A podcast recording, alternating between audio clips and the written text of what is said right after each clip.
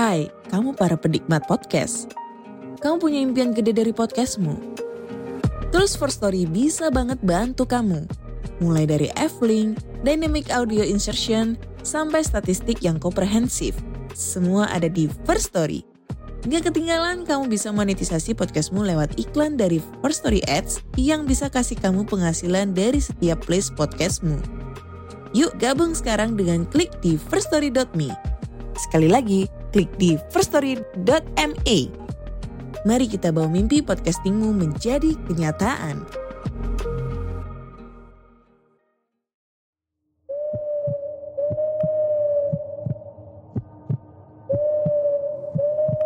Pogo FM, listen on the go.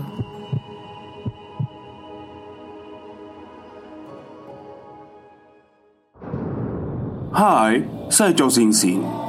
Selamat datang di podcast Horror Night Story. Pasang telinga, buka pikiran, dan biarkan rasa takut merayap di dalam dirimu. Selamat mendengarkan.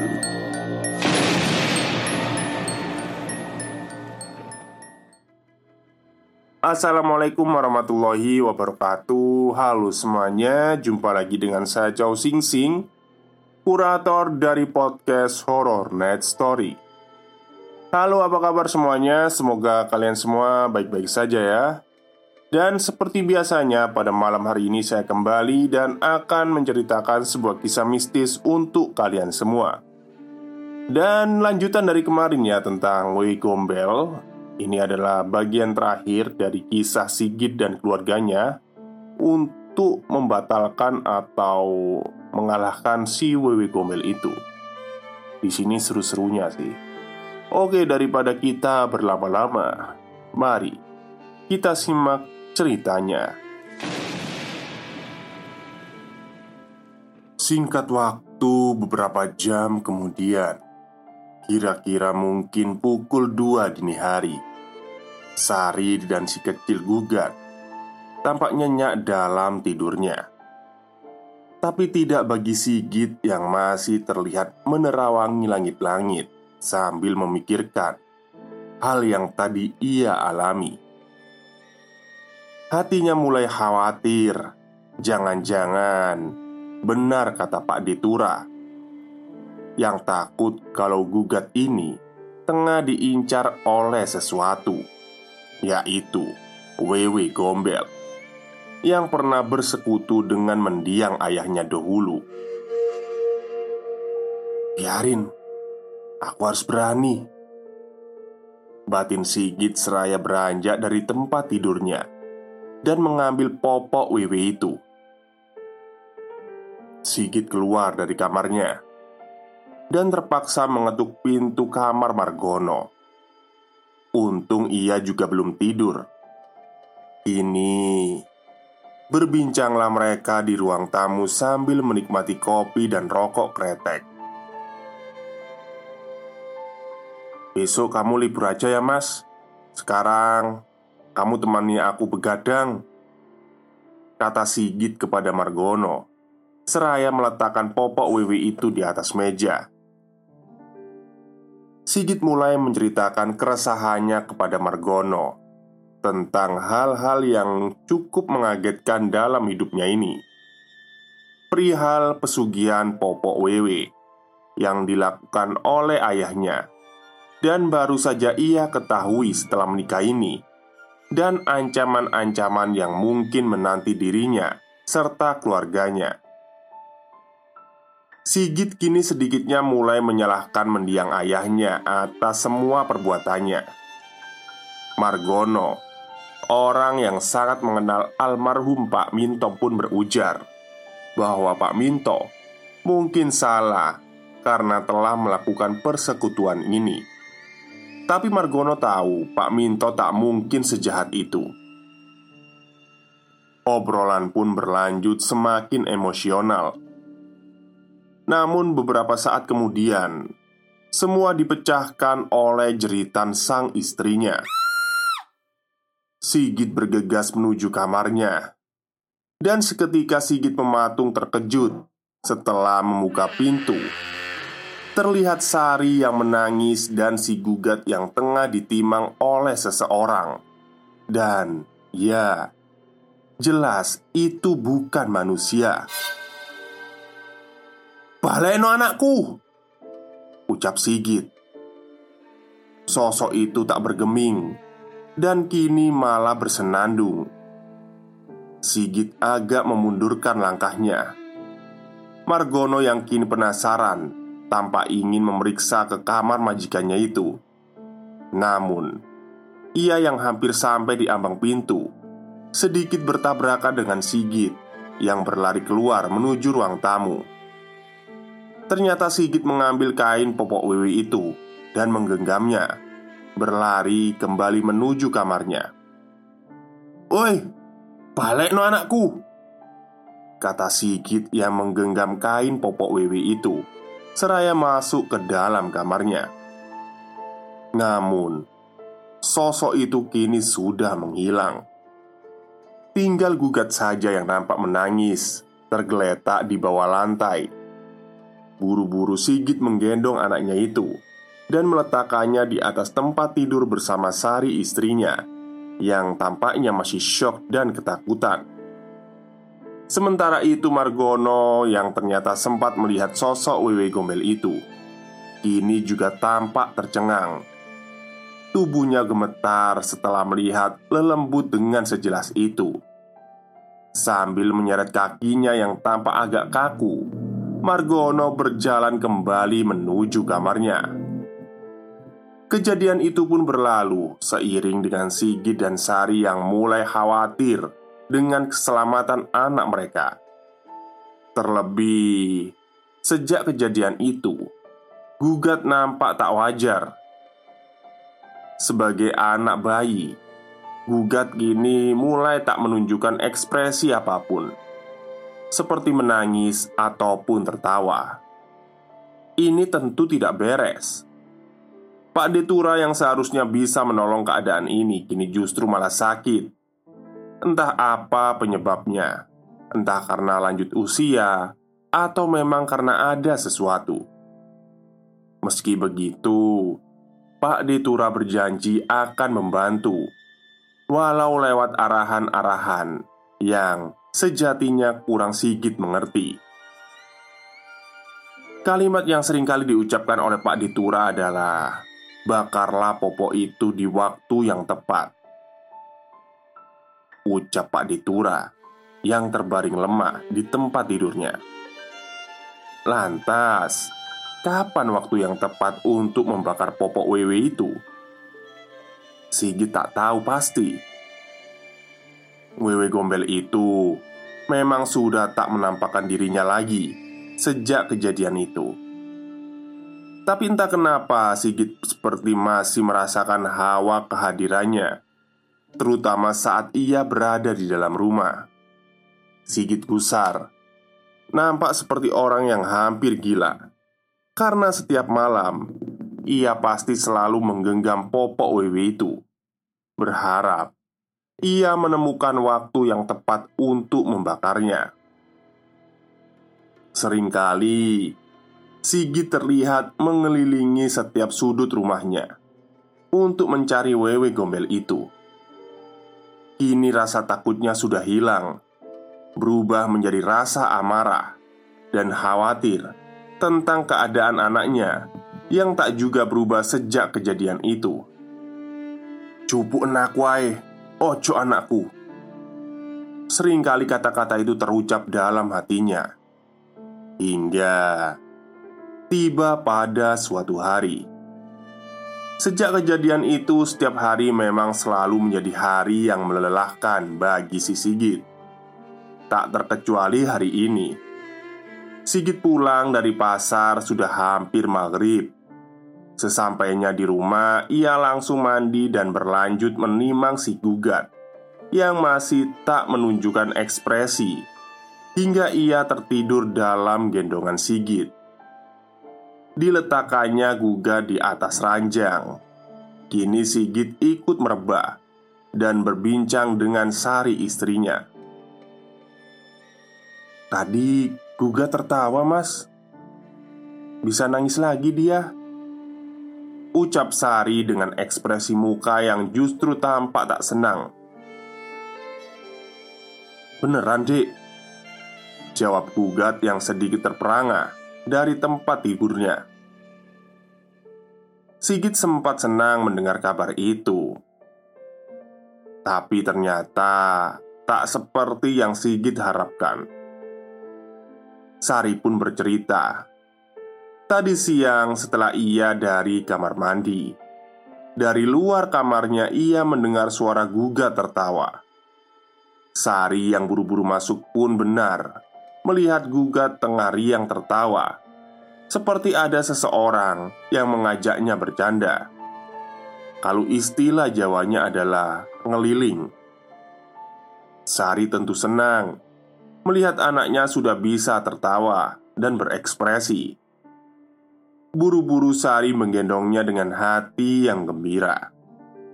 Gugat juga masih tertawa-tawa ketika berada di gendongan ibunya itu. Namun ternyata itu tak berlangsung lama karena tiba-tiba tawanya terhenti bersamaan dengan keluarnya cairan hitam dari mulutnya.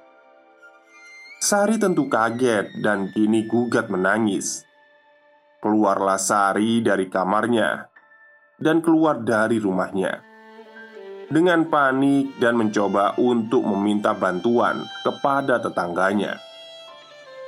Namun, sepertinya waktunya tak tepat karena ia hidup di kalangan yang kebanyakan petani.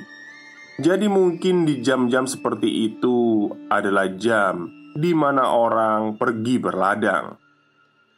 Sembari menunggu bantuan yang ternyata tak kunjung datang, akhirnya Sari pun menenangkan gugat dengan seadanya, dan untungnya itu berhasil.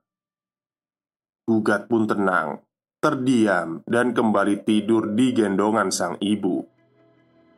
Tapi itu tentu tak cukup membuat Sari merasa tenang di depan rumahnya, berulang kali ia mengusap-ngusap kepala anaknya itu dengan muka cemas dan mata yang berkaca-kaca. Dan tiba-tiba, "Ini milikku," kata seseorang yang entah siapa itu, membisik keras di telinga Sari.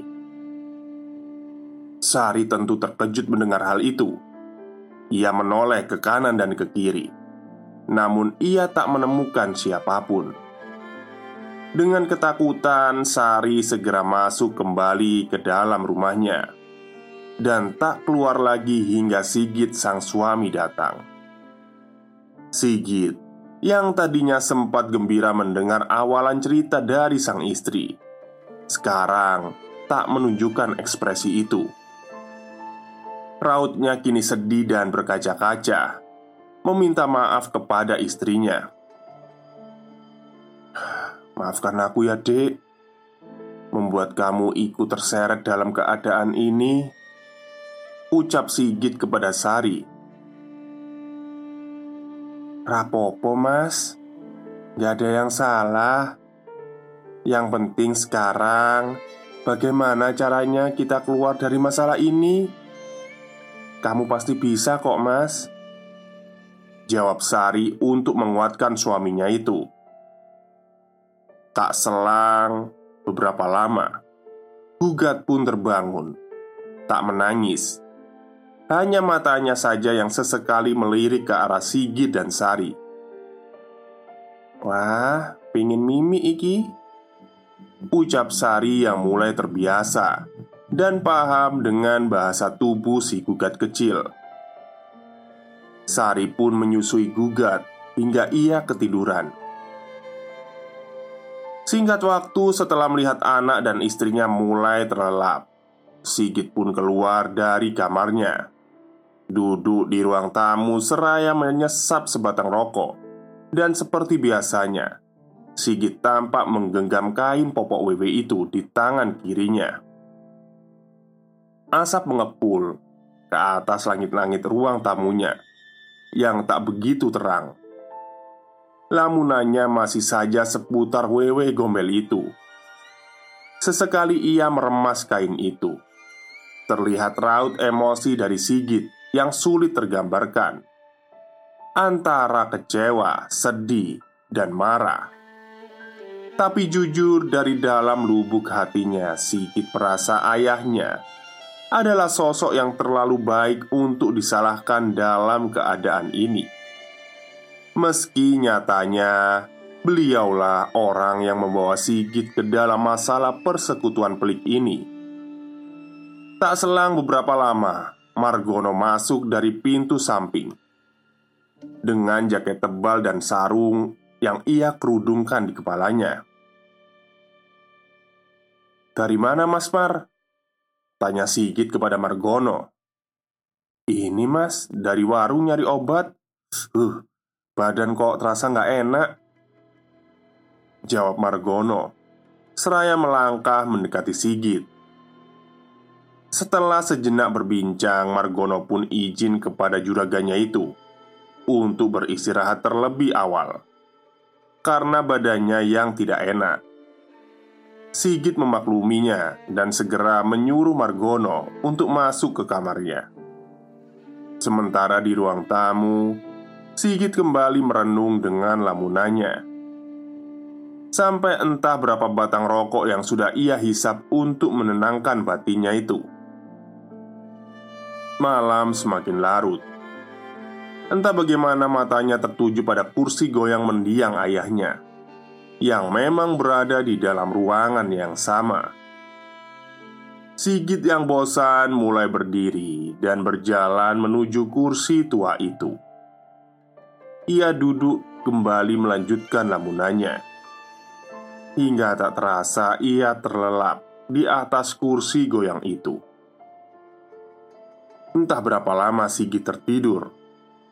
Yang jelas kira-kira mungkin pukul 2 dini hari ia terbangun karena ada seseorang yang sedang membelai rambut di kepalanya. Sigit yang terbangun perlahan membuka matanya. Kini dia melihat sosok yang berada tepat di hadapannya. Ya, sosok itu adalah Wewe Gombel. Tersenyum menyeringai menatap Sigit yang kini tampak tak bisa bergerak. Namun matanya tak bisa berpaling Dan justru terus menatap sosok itu Nak Sigit anakku Masih ingat aku nggak? Yang sering kamu panggil Mbak Gandul dulu Waktu kecil. Kamu sering aku gendong loh. Tapi Kok sekarang malah berani sama aku ya? Kata sosok Wewe Gomel itu dengan suara parau Dengan kepalanya yang kini mendekat ke depan muka Sigit.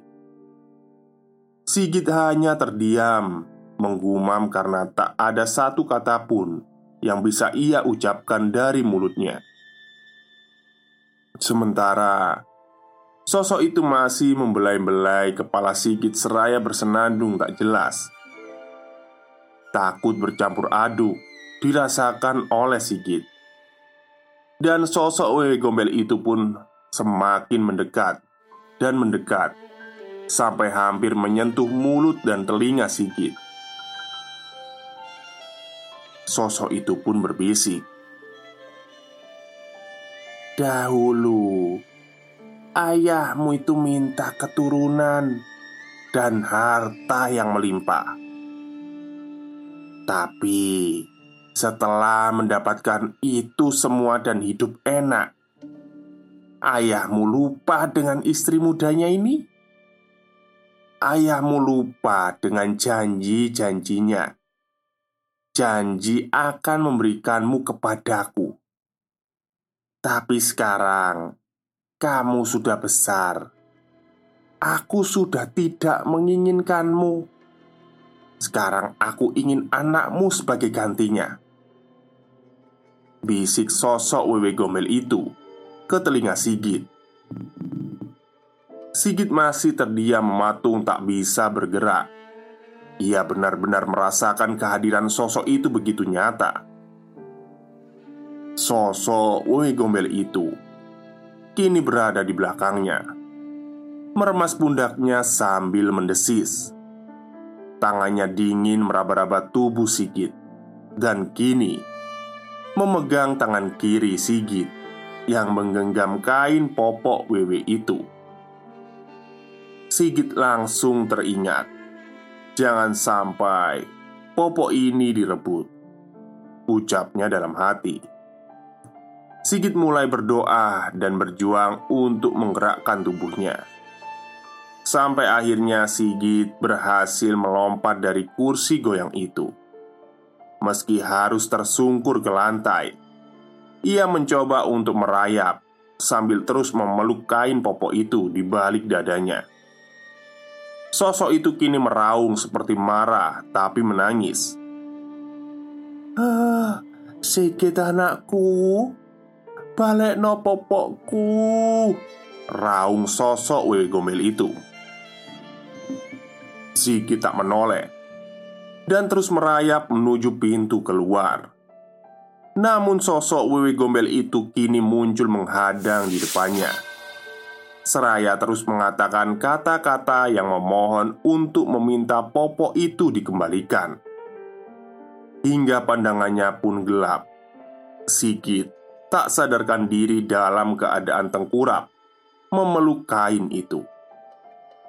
Hingga beberapa jam kemudian ia terbangun saat samar-samar adzan subuh berkumandang. Eh, tiba-tiba sosok Wewe Gombel itu menghilang. Kepalanya terasa sakit, namun buru-buru ia memeriksa kain yang ia peluk tadi. Ah, ternyata masih ada. Dengan sedikit terhuyung-huyung Sigit berdiri. Matanya menerawang ke seluruh sudut. Barangkali makhluk sialan itu masih ada. Namun untungnya sudah tak ada tanda-tanda keberadaan si Wewe Gombel itu. Sigit pun segera berjalan menuju kamarnya untuk memeriksa si Guga dan Sari istrinya. Ia mendekat dan mengamati istri serta anaknya yang masih terlelap di atas ranjang. Dan ia pun bernafas lega ketika Sigit melihat tubuh Guga dan Mbak Sari yang masih mengembang dan mengempis. Masih bernafas mereka. Batin Sigit seraya mengelus dadanya. Sigit pun kini duduk di kursi samping ranjang itu sambil menahan kepalanya yang terasa pusing. Ia memikirkan kejadian semalam hingga tak selang beberapa lama. Gugat pun menguap. Terbangun diikuti oleh Sari istrinya yang nampak membuka matanya. "Eh, Mas, kok udah bangun?" Aku semalam nyenyak bener loh tidurnya.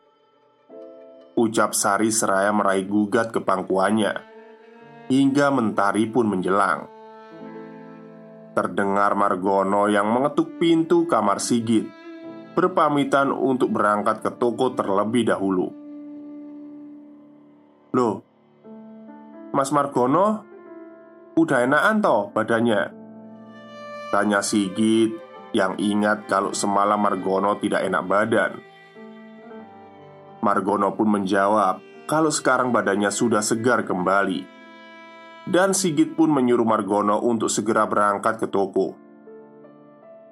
Ya wes, syukur kalau gitu. Sekarang mas berangkat dulu aja ya, nanti aku susul agak telat. Soalnya mau ada acara dulu aku. Jawab Sigit dari dalam kamarnya. Hah? Mau ada acara opo Thomas? Saud Sari sang istri yang mendengar perkataan suaminya itu. Aku, kamu, sama Gugat Habis ini kita ke Pak Deturah. Ada yang mau mas bicarakan? Sekalian jenguk Kan Pak D lagi sakit. Kata Sigit Sambil beranjak untuk mandi Singkat cerita, setelah mereka semua tersiap, berangkatlah Sigit bersama anak dan istrinya menuju rumah Pak Detura. Terlihat raut wajah gelisah.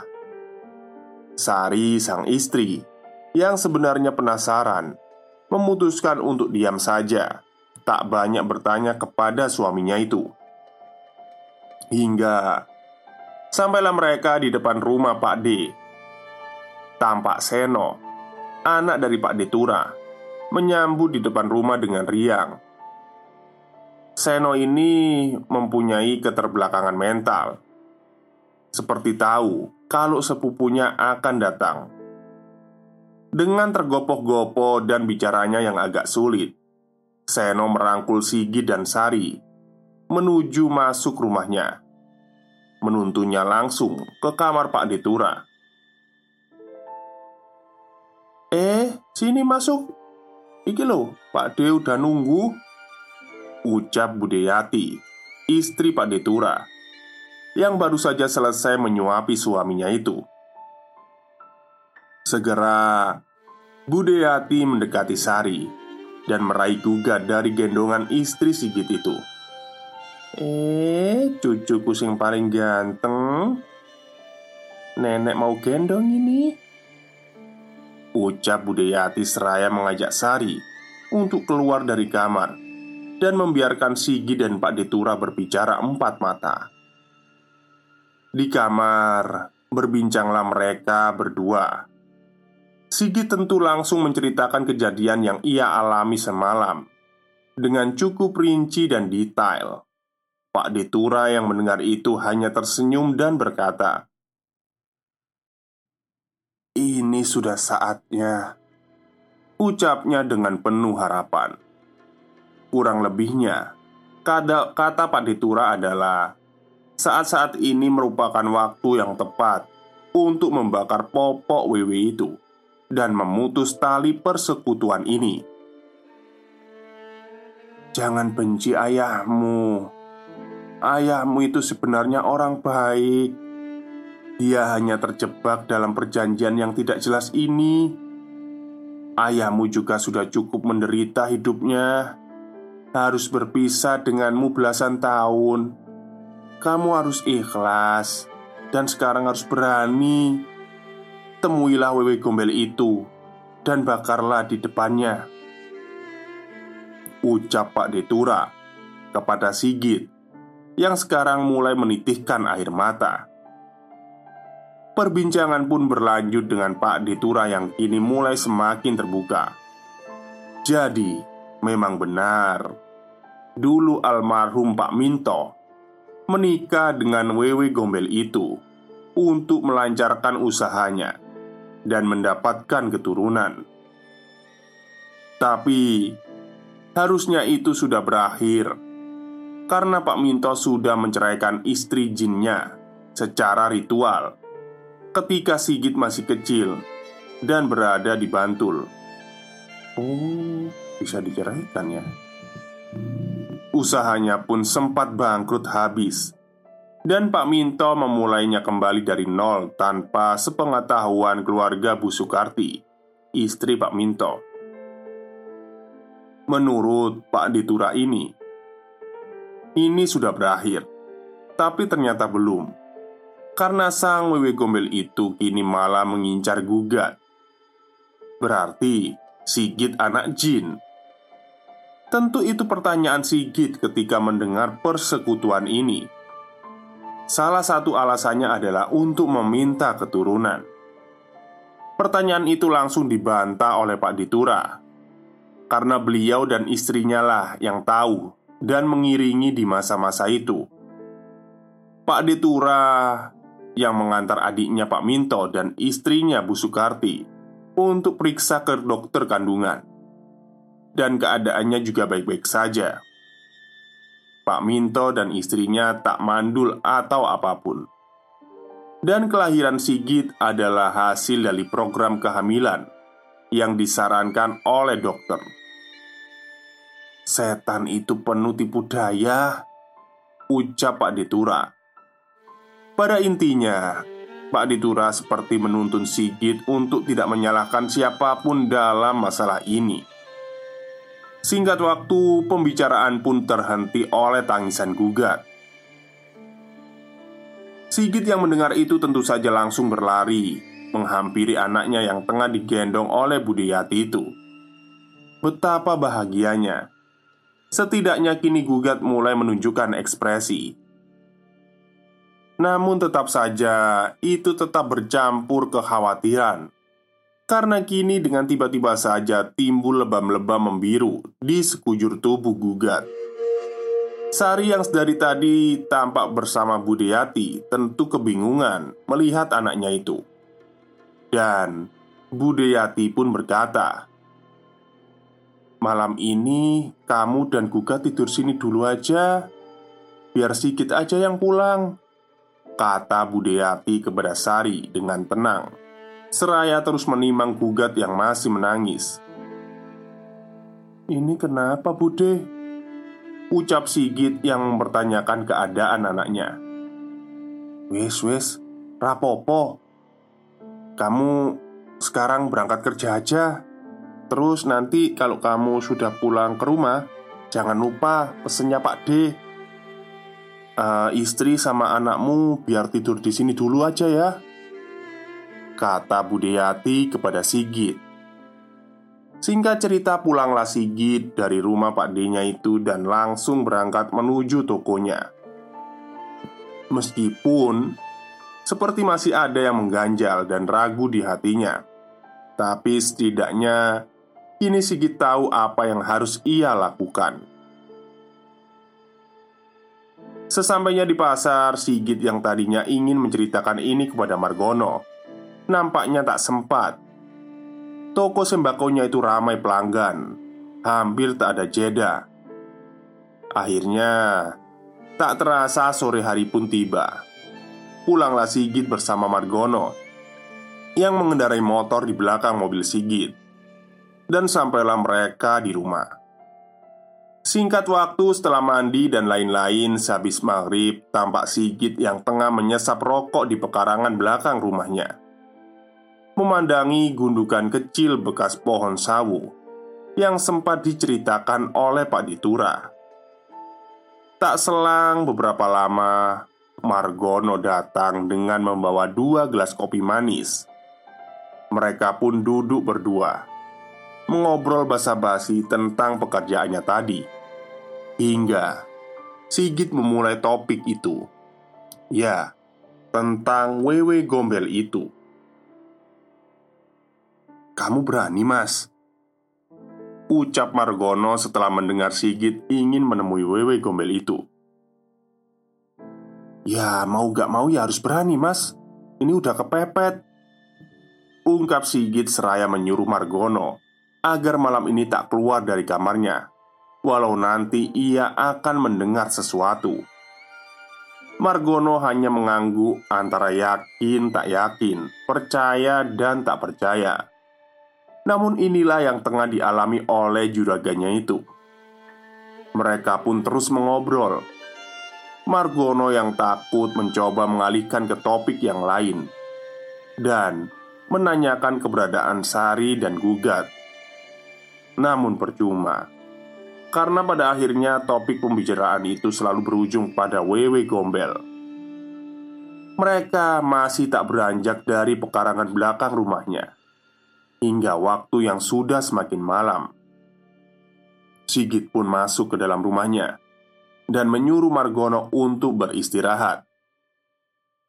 Jangan keluar-keluar dari kamar ya mas Ucap Sigit kepada Margono. Nje mas siap Jawab Margono seraya berjalan masuk ke kamarnya.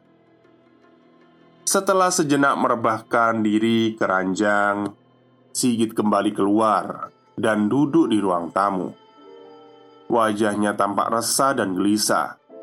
Jujur Dalam hati ia sangat takut bila harus bertemu dengan Wewe Gombel itu.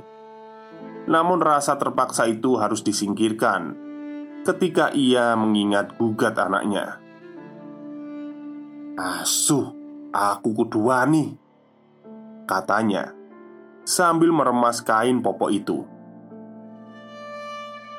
Jelas, Sigit tangannya gemetar dan memperlihatkan ketakutannya. Namun, ini sudah harus ia hadapi. Sesuai arahan dari Pak Detura, Sigit mulai menggelar tikar di ruang tamunya itu, tepatnya di depan pintu utama rumahnya. Ia mulai merebah dengan kain popok digenggam tangannya. Matanya terpejam bersamaan dengan batinnya yang mengucap mantra yang diajarkan oleh Pak Ditura secara berulang-ulang. Aku saringan memedi Arupaning sejatimu wewe gombel Metuo Ayo Pangandikan Entah berapa lama Sigi terpejam dan membaca mantra itu. Yang jelas, ia merasakan suasana kini sudah berbeda. Udara dingin dan bau busuk mulai menerpa tubuhnya. Suara ciakan anak ayam juga sudah terdengar, seperti berpindah-pindah dari sudut ke sudut. Kini, Sigit membuka matanya sesuai arahan dari Pak Detura ia berdiri dan mengambil mangkuk kecil yang ia sembunyikan di balik bajunya. Sigit mulai membakar kemenyan seukuran jari kelingking yang sudah ia siapkan. Tangannya tentu gemetaran menahan ketakutan ini, diiringi oleh suara ciakan ayam semakin tak beraturan. Sigit tetap mencoba untuk teguh dan terus menyelesaikan setiap posesinya. Hingga ketika kemenyan habis terbakar Ada sesuatu yang mengejutkan Yaitu sepasang tangan besar Yang tiba-tiba menutupi wajahnya. Ya, tak salah lagi. Itu adalah Wewe Gombel Sigit hanya terdiam mencoba tenang dengan tidak melakukan banyak gerakan. Tangan itu mulai menggerayangi wajahnya seraya berkata dengan membisik. Sikit Sikit Anakku Piye? Wis lali toh. Gimana? Sudah rela kan Anakmu aku bawa Suara itu muncul tepat di samping telinga Sigit. Sejenak suasana menjadi hening.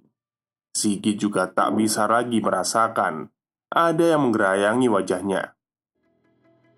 Namun, kini terdengar suara langkah kaki yang diseret, seperti berjalan mengelilinginya. Sigit sama sekali tak berani membuka matanya dengan gemetar ia mengacungkan kain dan korek api yang ia genggam di masing-masing tangannya. Dengan gugup dan terbata-bata, kini Sigit berkata, "Ora iso, anakku yo anakku. Kowe gak iso jupo. Sekarang hadapi aku." Ucap Sigit sambil perlahan ia membuka matanya.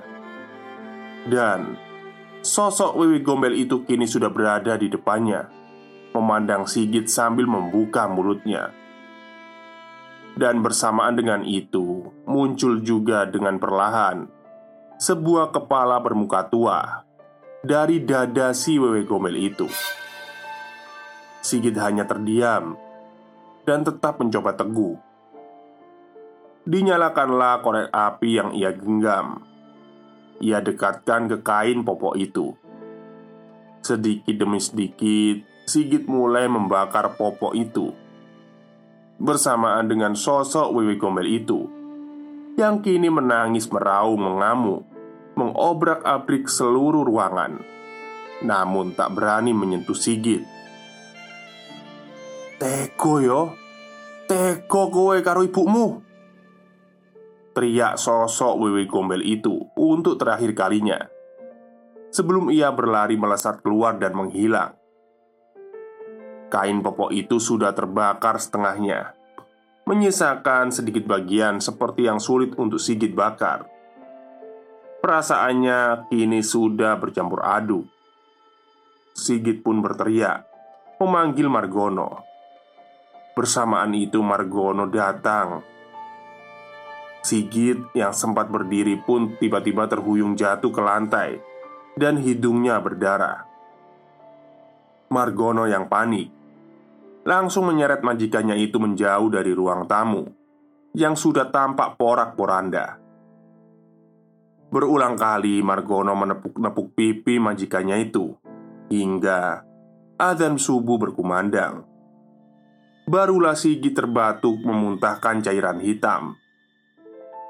Kini, Sigi dipapah Margono menuju kamarnya. Sementara itu bersamaan dengan ini di rumah Pak Detura Guga terbangun dari tidurnya. Menangis keras Sari sigap memberinya ASI. Budeyati yang mendengar tangisan gugat Buru-buru memeriksa. Dan ia pun tersenyum dan berkata, "Selamat datang kembali di dunia, Cabagus."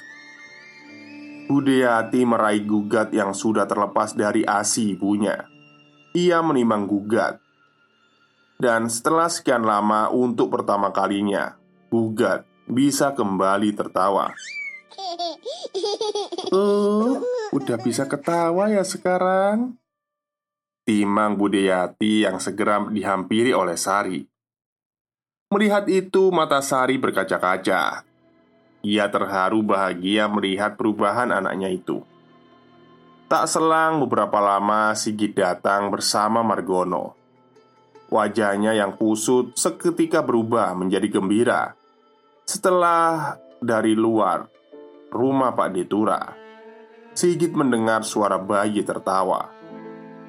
Seno sepupunya juga tampak berlari menghampiri Sigit dan memeluknya. Meski dengan bahasa yang sulit dimengerti Sigit, Sigit tahu bahwa Seno ikut bahagia atas semua ini, atas kemenangan Sigit melawan Wewe Gombel itu.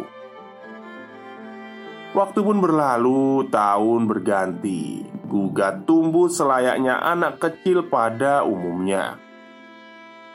Riang dan sedikit nakal, Hingga cerita ini ditulis, Gugat sudah tumbuh dewasa, kurang lebih berusia 25 tahun. Ia baru saja lulus dari kuliahnya di salah satu universitas negeri yang ada di Semarang dan tengah menata hidupnya ke depan. Begitu juga dengan Sigit yang sampai sekarang masih menjalankan usahanya berjualan sembako di pasar. Gugat yang awalnya tak tahu tentang cerita itu akhirnya diberitahu Hampir bersamaan dengan ditulisnya cerita ini, respon awalnya mungkin sedikit shock, namun Guga tak berubah. Ia tetap bangga menyandang warga Jayusman, marga dari kakeknya yang tak pernah ia temui seumur hidupnya, yaitu kakek Minto Jayusman. Tamat. Oke, itulah akhir cerita dari treat horornya Mas Agil Saputra tentang Popok Wewe. Dan akhirnya anu ya, happy ending ya ternyata ya. Si Sigit menang lawan si Wewe Gombel dengan membakar kain popoknya itu gitu.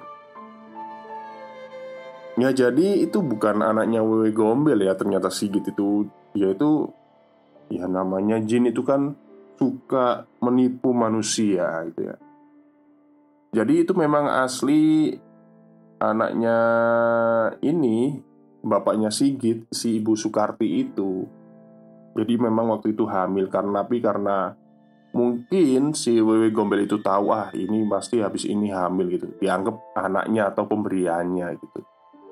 Oke, mungkin itu saja cerita untuk malam hari ini. Semoga kalian terhibur, selamat malam, dan selamat beristirahat.